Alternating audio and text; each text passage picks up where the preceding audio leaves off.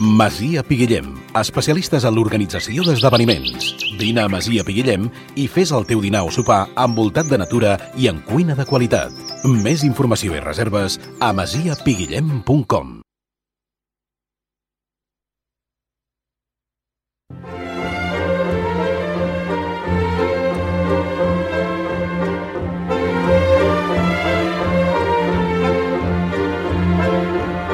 Senyores i senyors, l'espectacle és a punt de començar.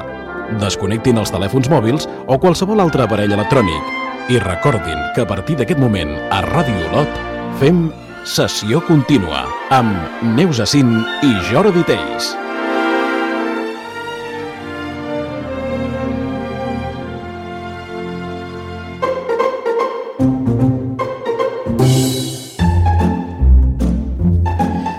Dia i bona hora, benvinguts a una nova edició de Sessió Contínua. Al racó on ens trobem tots aquells que ens agrada parlar de cinema. I avui amb quatre novetats que ja podem veure, evidentment, al Cines Olot i que tot seguit us comentarem. També jugarem a les pel·lícules per primera vegada aquesta temporada. Tres talls d'un títol i tres pistes afegides per endevinar-lo. Ens quedarem atrapat en el temps i aquest cop diria que més atrapats que mai perquè la pel·lícula d'avui juga precisament amb el títol d'aquesta secció. Sí, a l'actualitat parlarem del Festival de Sant Sebastià que avui aixeca taló i de la pel·lícula que finalment comença des del nostre país el camí cap als Òscar. I acabarem amb el concurs on volíem que ens diguéssiu, recordeu, el títol d'una pel·lícula que hàgiu vist aquest estiu. Doncs vinga, obrim com sempre amb la recomanació de la setmana, una notícia, una idea i una pel·lícula per veure.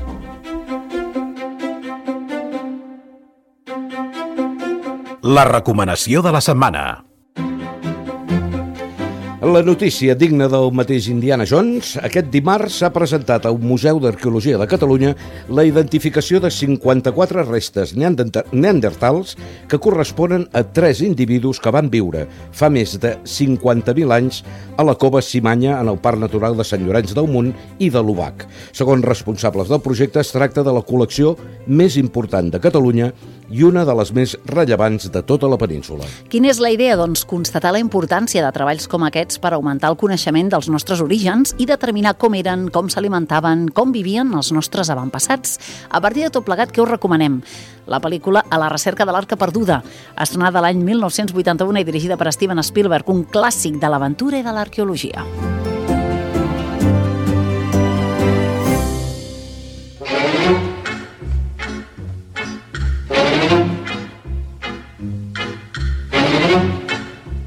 Diàlegs perduts. Uy, vengo muerta, Juana. ¿Ha llegado Ramón? Todavía no. Entonces casi me voy arriba. Porque es que estoy agotada. ¿Y no me mires con esa cara? Lo siento, pero no tengo otra. Juana, no puedes pretender que todas las mujeres seamos bolleras. Ser bollera no es ninguna vergüenza, ¿eh? No, pero tampoco lo es que una chica se vuelva loca por los hombres. Juana. A propósito, no es por meterme donde no me llaman, pero ¿no has pensado nunca en afeitarte el bigote? ¿Por qué? Mujer. El bigote no es solo patrimonio de los hombres, ¿eh? ¿No? No. De hecho, los hombres con bigote o son maricones o fachas.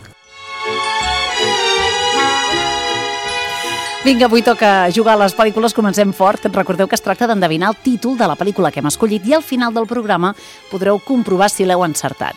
Vam sentir ja el primer fragment. Ara us afegim la primera pista. Primera pista d'aquests diàlegs perduts. La pel·lícula d'avui és una producció espanyola dirigida per un director de llarguíssima trajectòria i dels que més ressò i reconeixements nacionals i internacionals ha tingut en les darreres dècades.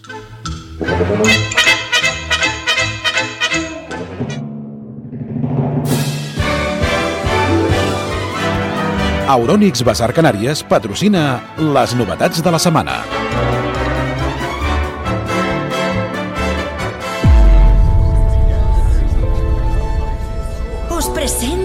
Jambo Bernier, el ángel. Un ángel caído del cielo. Os esperaba.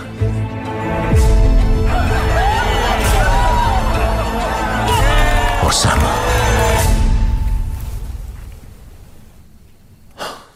Eso no es amor. ¿No pensáis que es el momento de cambiar de vida? ¿Para ir a dónde? Jean Dubarry quiere que os presente ante el rey. La condesa Jean Dubarry. Ante todo, no miréis al rey a los ojos. Eso sería percibido por la corte como una invitación ¿Una invitación a qué? a fornicar. ¿Quién se cree que es?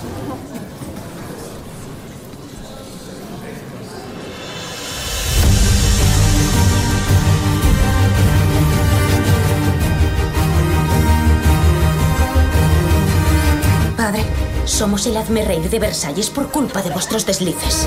El primer ministro no tolerará que dejéis que una ramera frecuente vuestro séquito. Esa mujer es de mi séquito.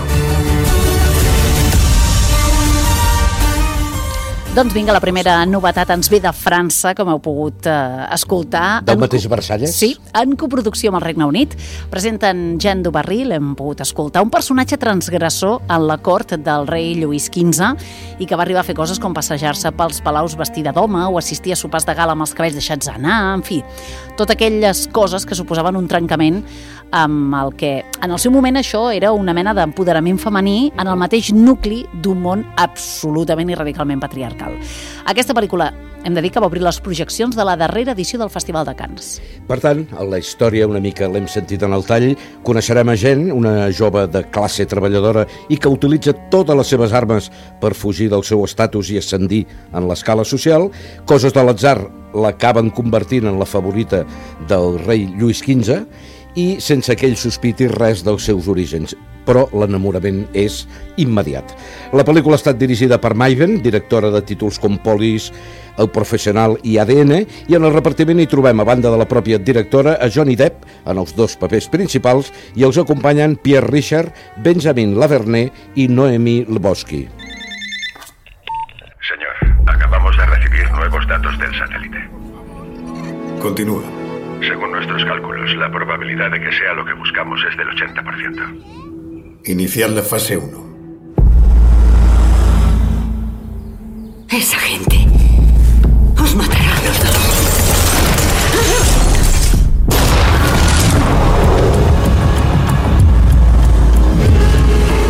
¿Me oyes bien? Sí. ¿Dónde estás? ¿Yo? Estoy por las afueras. Estás en el glaciar Bagniakul.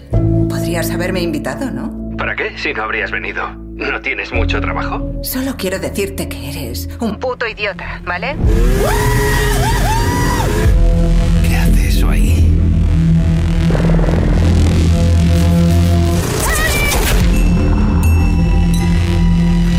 Presta mucha atención, Christine. Tenemos a tu hermano. Santo cielo, Christine, venga, pasa. Me lo ha enviado Eli esta mañana. Christine.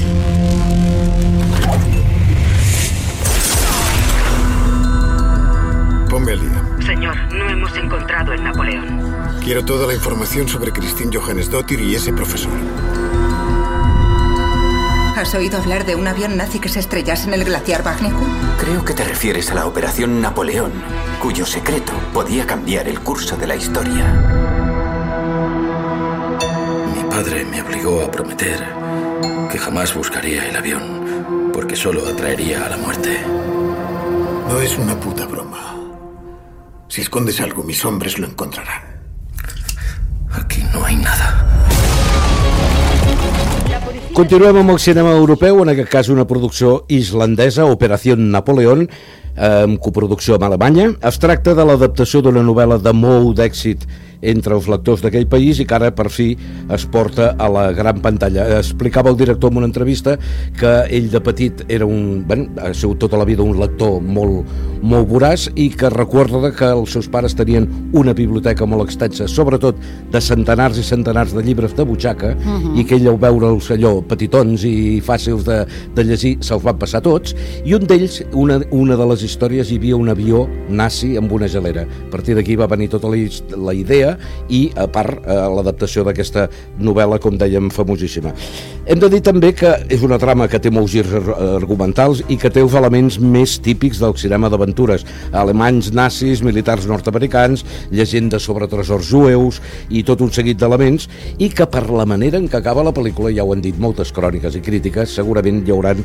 noves entregues és a dir, que encara que la novel·la ja estigui adaptada Pot ser que segurament el cinema continuï. hi haurà números eh, Operació Napoleón 2 i 3 i 4 Hem de veure també les xifres de taquilla com són i Exacte. això acabarà de garantir la possibilitat possibilitat de, de veure segones parts.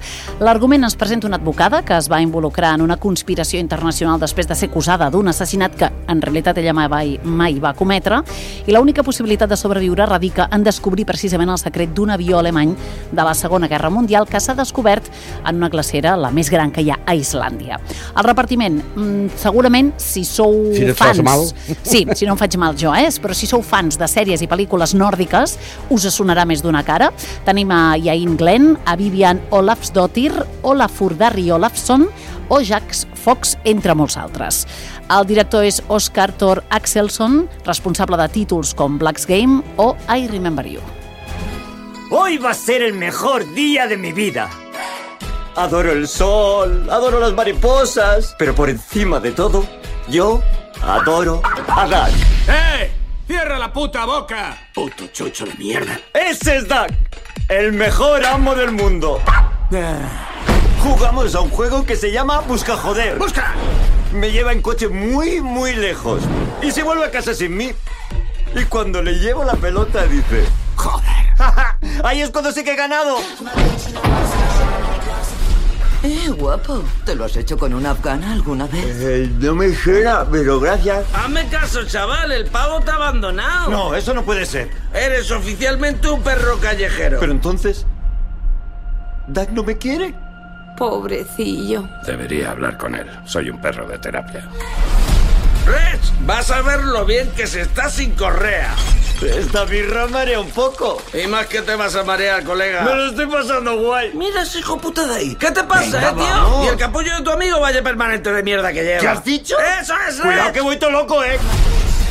Eres un callejero. Ahora puedes hacer todo. Vinga, anem, eh, ara passem de les aventures a la comèdia d'animals, que malgrat el que pugui semblar, i escoltant, diguéssim, el tràiler, eh, us en heu pogut fer una mica la idea, no és un producte infantil.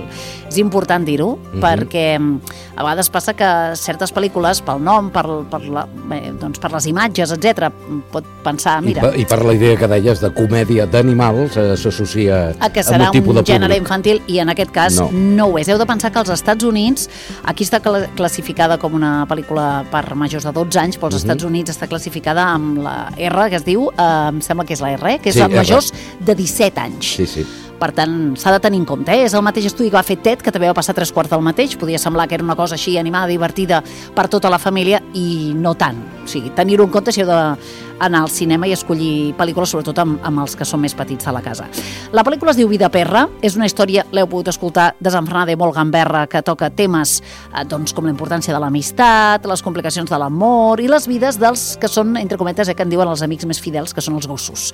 En una mena de... en una versió que, òbviament, està doblada, i aquí tenim, segurament heu reconegut veus eh, conegudes, i trobem a Santi Millán, a El Monaguillo, a Susi Carmelo o a Raúl Cimas, entre els eh, actors i diferents persones que han doblat aquesta pel·lícula. Què ens explica la història? Doncs eh, al voltant d'un border terrier que és abandonat, tot i que ell pensa que ha estat un error del seu amo, que es diu Doc, i que no ho volia fer, però au conèixer un altre gos de carrer se n'adona que potser aquest Doc, aquest amo, no és tan bona persona com creia, i amb altres gossos, tots plegats el que fan és planejar una venjança.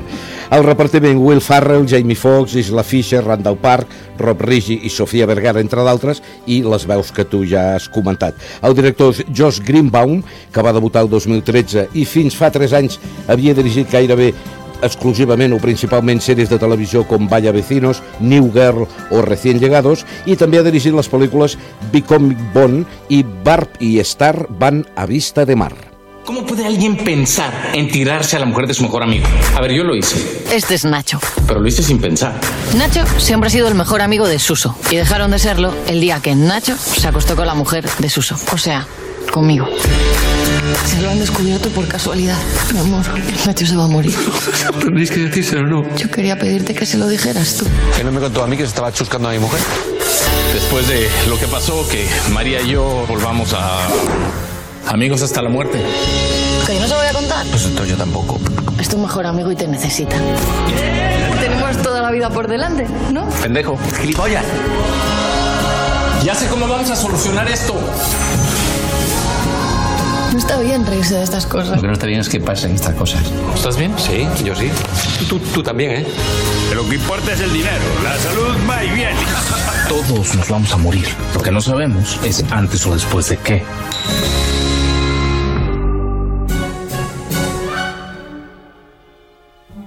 I acabem les novetats amb aquesta Amigos hasta la muerte, que és una, diríem, si el gènere es pot dir, una comèdia d'amistat. una comèdia d'amistat, és una producció espanyola, òpera prima del seu director Javier Vega, que també és l'autor del guió i un dels protagonistes principals, després en parlarem d'ell perquè ha fet moltíssimes coses, però no havia dirigit encara tota una pel·lícula, i el que ens presenta són situacions de relacions entre amics que normalment semblarien políticament incorrectes i que aquí, això sí, es transformen en unes activitats o unes actituds molt propositives i eh, més o menys correctes. La pel·lícula es va presentar al Festival de Màlaga en una secció que es diu Màlaga Premier. L'argument l'heu escoltat, ens presenta Maria, Nacho i Suso, són tres amics de tota la vida. De sobte, dos d'ells han de compartir el secret de que el tercer està passant una sèrie de coses s'han dit, però nosaltres no us les explicarem, uh -huh. però abans decideixen que encara tenen moltes coses a fer, promeses, riures, records i una cosa que estava pendent i que ha arribat l'hora de destapar-la. El repartiment, a banda de Javier Veiga, completen el repartiment Marta Azas, Mauricio Ochman, Leticia Sola i Fele Martínez. El director, com dèiem, és uh, Javier Veiga, que debuta en la direcció, però que segur que el coneixeu perquè és prou conegut com a actor, guionista, autor teatral, còmic i productor. De fet, a la televisió eh, l'heu puc veure sèries com Siete Vidas, Moncloa Dígame o per haver presentat, per exemple, El Club de la Comèdia.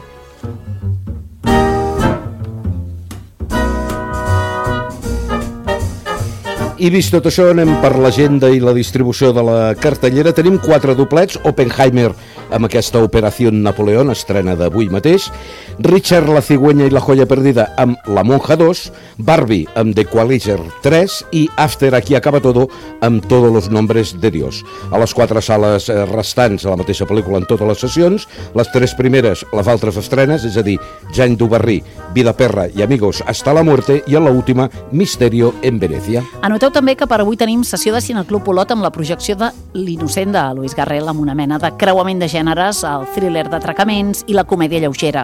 La pel·lícula va ser a Cannes l'any passat i va guanyar dos premis César al millor guió i millor actriu secundària. La història gira al voltant d'un jove que descobreix que la seva mare, de 60 anys, és a punt de casar-se amb un home que està actualment a la presó. Interpretada pel mateix director, L'innocent la podeu veure avui a dos quarts de deu del vespre al Cinema Olot en sessió de Cineclub.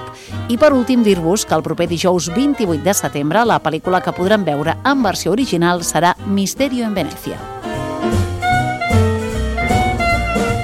Aquí no passem una pel·lícula. Tenim sempre sessió contínua.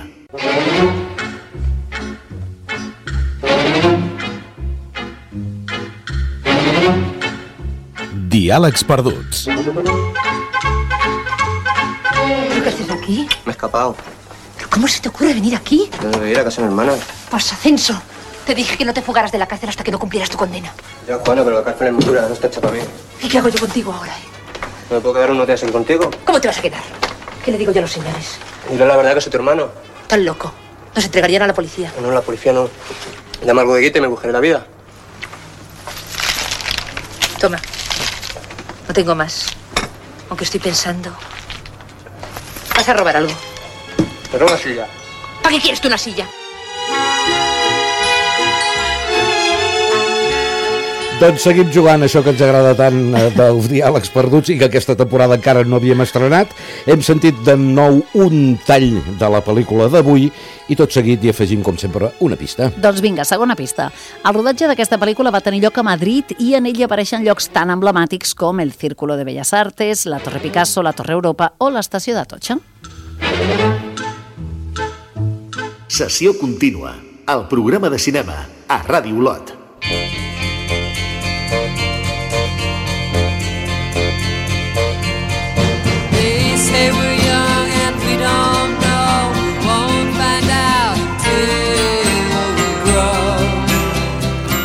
Una vegada més ens visita Bill Murray i aquesta sintonia de la pel·lícula Atrapat en el temps ens porta directament a un any i a una de les seves estrenes importants. Avui anem fins al 2002, quan s'estrenava Catch Me If You Can, o si ho preferiu, Atrapa'm si pots.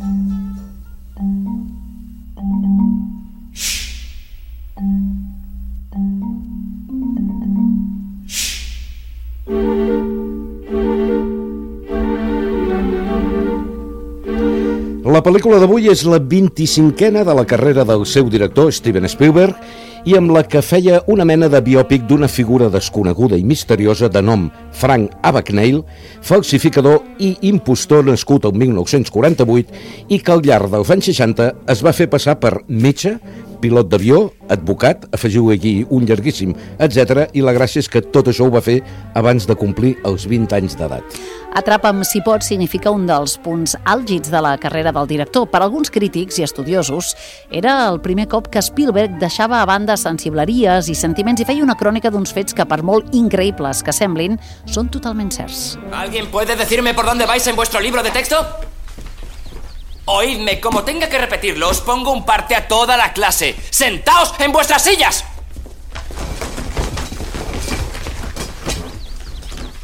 Capítulo 7. Por favor, abrid los libros por el capítulo 8 y empecemos. Perdona, ¿cómo te llamas? Brad. Brad, ¿quieres venir aquí, delante de toda la clase, y leer la conversación número 5?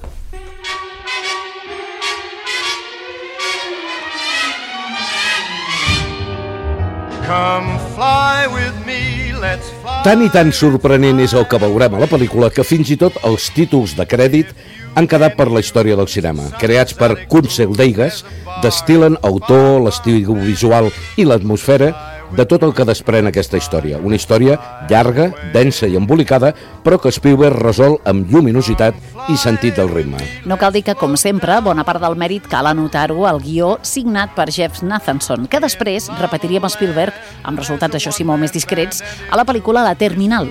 I és que en el guió hi conviuen dos nivells de narració. Per una banda, el perfil personal del personatge, i per altra, les aventures que el seu comportament li ofereixen. Levante las manos. ¿Sabe? Esa es la nueva Selectric de ¡Las manos sobre la cabeza! Se varía el tipo de letra en 5 segundos. ¡Cállese! cambiando la margarita. ¡Ponga las manos sobre la cabeza! ¡Ponga! Ese hombre tiene aquí más de 200 cheques. ¡Las manos 5 litros sobre la cabeza! china para dibujar.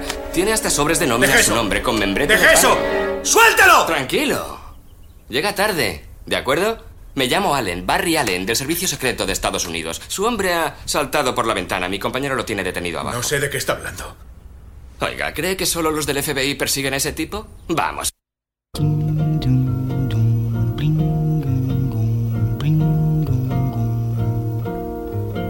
Olha que coisa mais linda, mais cheia de graça. El protagonista, Frank, és un nen que fuig d'una família trencada i en la fugida s'inventa tot un seguit de vides alternatives. La pregunta és, és una alegoria del que va ser la pròpia infantesa del director? Una mena d'avançament en el temps del que finalment hem conegut en el darrer treball, Los Fabelman? No sabem respondre-ho, però sigui com sigui, Leonardo DiCaprio assumeix el rol del paper protagonista de manera magistral. Al seu costat, Tom Hanks torna a ser en un repartiment de Spielberg després de protagonitzar Salvar el soldado Ryan i completa el triangle un excepcional Christopher Walken que és tan memorable, molt memorable, en el seu, podríem dir, patètic personatge. ¿Tripulante en situación? Frank, el comandante Oliver. John Larkin, el copiloto. Fred Talley, el mecánico de vuelo. Frank Taylor, de Panam. Gracias por llevarme, chicos. Anda, siéntate, Frank. Vamos a despegar. ¿En qué flota estás? ¿DC-8? 707. ¿Te vuelves con un nocturno? Estaré saltando charcos los próximos meses, volando de acá para allá, de chico de los recados. no te avergüences. Todos empezamos así.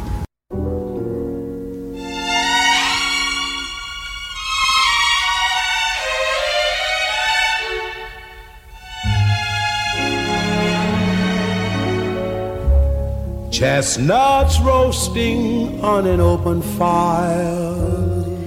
Malgrat l'opinió del propi Steven Spielberg, aquesta és una de les seves pel·lícules més treballades en tots els camps i al llarg de tota la seva carrera. Un relat molt ben explicat, una reconstrucció històrica polida, una direcció artística i un disseny de vestuari del tot memorables fan d'aquesta pel·lícula Atrapa'm, si pots, un producte d'aquells que no s'obliden fàcilment. Amb la càmera gairebé sempre a l'alçada dels ulls dels personatges, no podíem oblidar el convidat etern, la música de John Williams, que, com estem acostumats, transpira aventura, drama, amor, comèdia i suspens. En definitiva, cinema d'autor per tots els costats, amb un títol Atrapa'm si pots, que d'avui, 30 anys després, hem volgut recordar. We'll find it hard to sleep tonight. They know that Santa's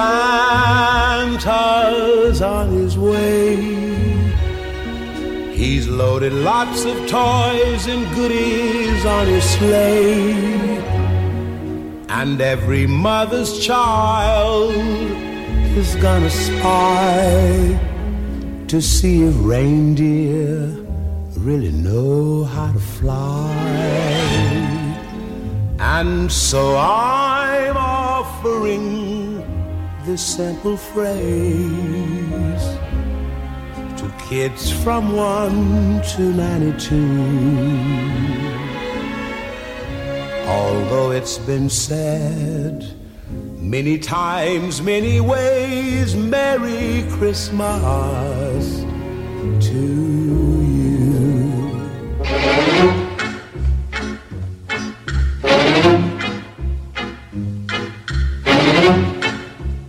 Diàlegs perduts.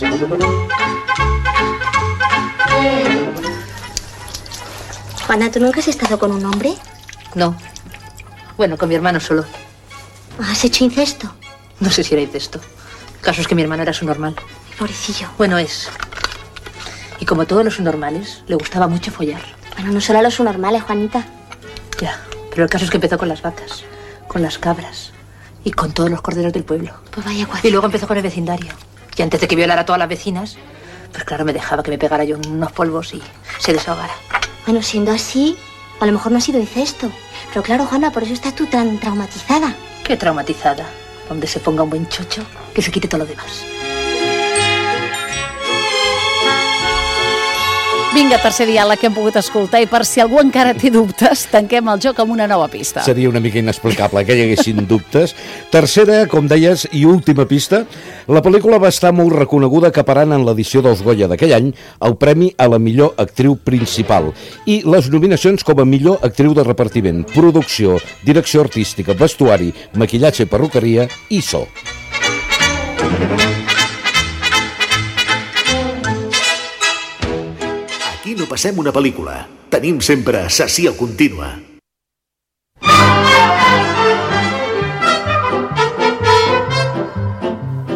Doncs vinga, anem per les notes d'actualitat, que aquesta setmana són del tot interessants. Per una banda, la inauguració i l'obertura d'un certamen, Mhm. sempre de- cinematogràfic, evidentment, sempre ho és, i és que avui mateix aixeca el taló Sant Sebastià en l'edició 2023, és la 71a Déu-n'hi-do, eh? edició, exacte, l'any passat dèiem allò de la xifra rodona, doncs ja en tenim una més, 71, que durarà des d'avui i fins al proper 30 de setembre, amb un jurat que està eh, format per Claire Dennis, que és la presidenta, l'actriu Fan Bingbing, la directora Cristina Gallego, la fotògrafa Brigitte Lacombe, l'actriu Vicky Luengo, el productor Roberto Lantos i el director Christian Petzol.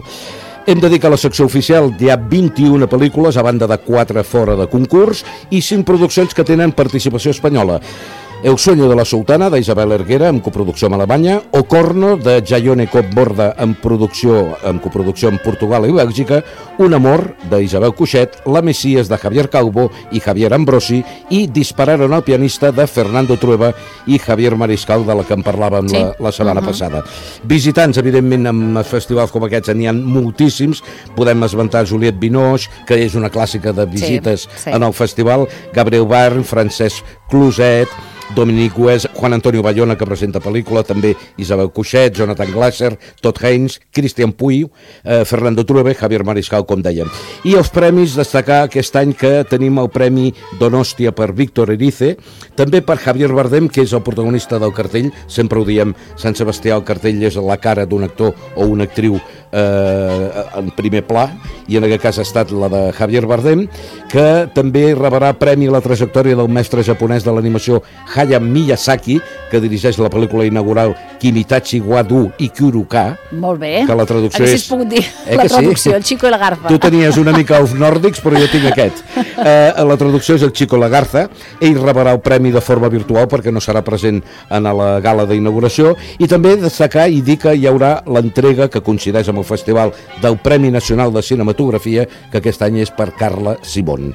Made in Spain, que és una altra de les seccions importants, té 19 llargmetratges i la volíem esmentar perquè entre elles es, eh, s'estrena un documental que es diu No me llame Ternera, dirigit per Jordi Évole i Mario Sánchez, i és una pel·lícula que ofereix una entrevista en exclusiva amb Josu Urruticoichea, conegut com Josu Ternera, amb una nova mirada a la seva trajectòria com a dirigent d'ETA i que ja ha despertat, Sí, evidentment, ja. polèmica, Sí. peticions de retirada, cosa absurdíssima i lògica, i que el mateix director del festival hi ha hagut de sortir a respondre als que demanaven aquest fet. Com sempre, ja ho vam dir més d'un any, tingueu en compte i present que a la web del festival hi ha un canal de televisió interessantíssim perquè a través d'ell no és que sigui com si estiguessis allà, però pots assistir a moltes coses que poder, si fossis allà no ho faries, Mhm. com és la presentació de moltes pel·lícules, rodes de premsa i alguna classe important, i que podeu veure a través d'un canal, com dèiem, eh, de la mateixa web del festival, i hi ha la novetat que per aquells que gaudeixin o tinguin la plataforma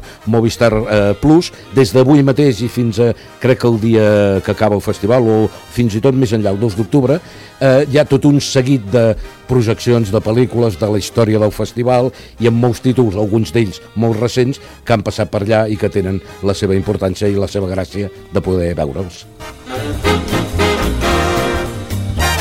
I ara hem de parlar també, eh, recordeu que divendres passat us dèiem les tres pel·lícules que optaven a ser la representant espanyola als Òscar, doncs bé, mm, recordem-les primer perquè ja tenim finalment eh, la seleccionada. Teníem a Cerrar los ojos de Víctor Erice i 20.000 especies de abejas d'Estivali Torresola i La Societat de la Nieve de Bayona. Finalment, aquest dimecres vam saber que precisament aquesta serà l'escollida, La Societat de la Nieve. Que es presenta, com dèiem, a Sant Sebastià. Exacte. I, que és- després també estarà a Sitges. Passarà una mica per tots els festivals. La veurem eh? allà. En Jordi ens l'explicarà en primícia, eh? perquè ja ho vam explicar, hi ha pel·lícules que ja s'han estrenat i altres que no, aquest és un Exacte. dels casos. Um, bé, l'objectiu una mica d'aquesta cursa que ara començarà la Societat de la Nieve és formar part de la llista de pel·lícules que podran optar a ser entre les cinc nominades a pel·lícula, millor pel·lícula internacional de cara als Oscars, però això encara falta, eh? Sí, i ha de passar, a més a més, dos cribes. Una, que entri a la llista. I un cop estigui a la llista... Que estigui- Que estigui entre les cinc. Correcte, no és tan senzill, perquè a vegades hi ha un ja ho dona per fet i no, però bé, pas a pas i a poc a poc. De moment, comentar que la Societat de la Nieve, recordem, explica els fets que van envoltar l'accident aeri d'un equip de rugbi de l'Uruguai que es va estavellar als Andes a l'any 1972. Bayona s'enfrontarà a noms eh, per poder estar en aquesta llista, com Aki Kaurismaki, Wing Wenders, Jonathan Glazer o Justin Triet, que són altres directors que han escollit les acadèmies dels seus països respectius per presentar-se en aquesta categoria dels Oscars. I també dic que és la primera vegada que una pel·lícula produïda per Netflix és seleccionada per l'Acadèmia Espanyola Novetat. Sí, que, com ha anat passant, eh, que de mica en mica, evidentment, les Mhm. plataformes s'han convertit en productores, ja ho són, Exacte. I cada vegada amb més pressupost i això fa que bé, que passin coses com aquesta que fins ara no ens hi havíem trobat. Eh? Um, també és la primera vegada que un film de Bayona lluitarà als Òscar. Hem de dir que la seva última pel·lícula elegible per l'Acadèmia Espanyola va ser quan va debutar precisament amb El Orfanato, recordem l'any 2009, ni tan sols va ser precandidat, tot i que va ser una pel·lícula mm, després de culte pràcticament i molt, I que també va estrenar molt Sitges. reconeguda un bon lloc per estrenar-hi, evidentment, però també hem de dir que el cinema de Bayona ja havia esgarrapat alguna nominació, perquè segurament ara tots teniu al cap lo impossible, Exacte. Alma, però lo impossible a Bayona sí, però no anava com a representant espanyola, sinó que en aquell moment, el 2013, Naomi Watts, recordem que va estar nominada a millor actriu per aquesta pel·lícula, per lo impossible, tot i que al final el premi se'l va acabar enduent Jennifer Lawrence per aquella època havia presentat El lado bueno de les coses, el costat bo de les coses.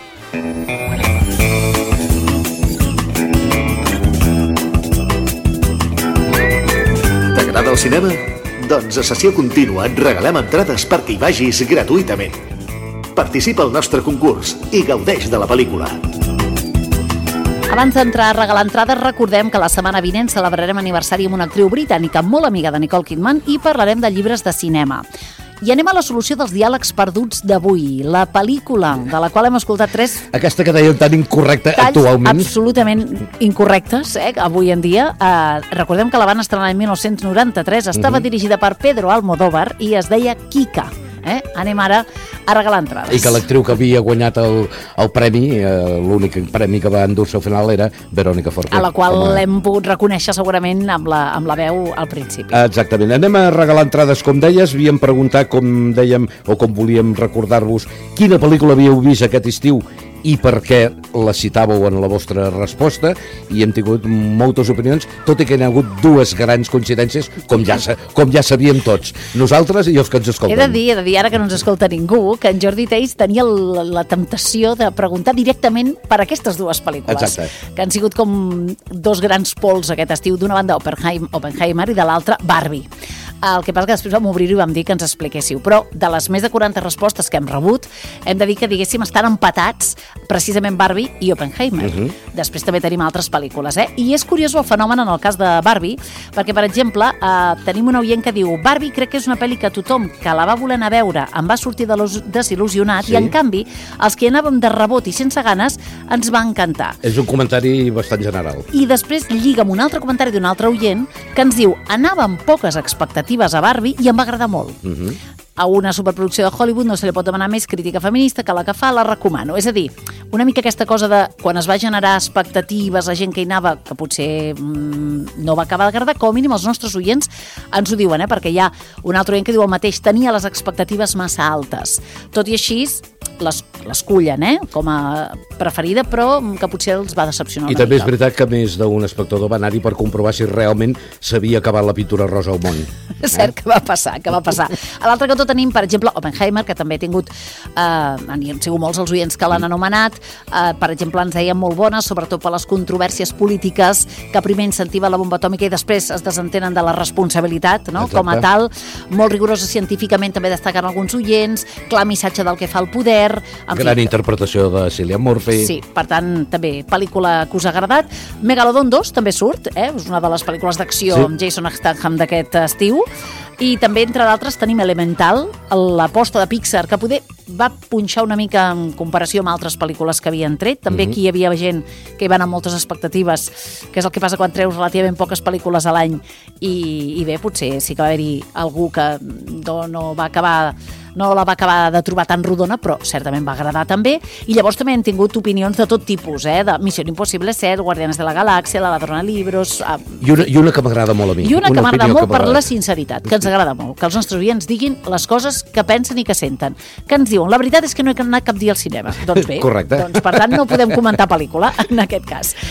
Va, entre totes aquestes respostes encertades, més de 40 que hem rebut entre Facebook i Instagram, s'emporta aquestes dues entrades gentilesa de cinema a Olot. L'Aniol Costa, que ella ens diu he vist Elemental, diu, de Disney, em va encantar tant el concepte que parla del temps meteorològic com el concepte de l'enamorament entre l'aigua i el foc i què passa quan s'enamoren dos fenòmens xocants. Doncs anem per la pregunta de la setmana vinent, amb excusa d'aquesta operació napoleònica parla de tants eh, casos de nazis i de guerres i de coses així. El que volem senzillament és que ens digueu quin títol de pel·lícula destacaríeu? Pel·lícula bèl·lica o bé que tingui un rerefons al llarg d'una guerra, al llarg d'un moment històric en què hi ha una guerra. que en tenim moltíssimes, Moltíssimes. eh, quan agafem tot aquest àmbit. Per tant, ja ho sabeu, podeu fer les vostres, ens podeu enviar les vostres respostes al Facebook i a l'Instagram de Radio Lot. Nosaltres tenim la nostra guerra particular, que és la de venir cada divendres a parlar de cinema. Passeu un bon cap de setmana. Adéu-siau. turn around and face me, but I don't know nothing about love. Ah, oh, come on, come on, turn.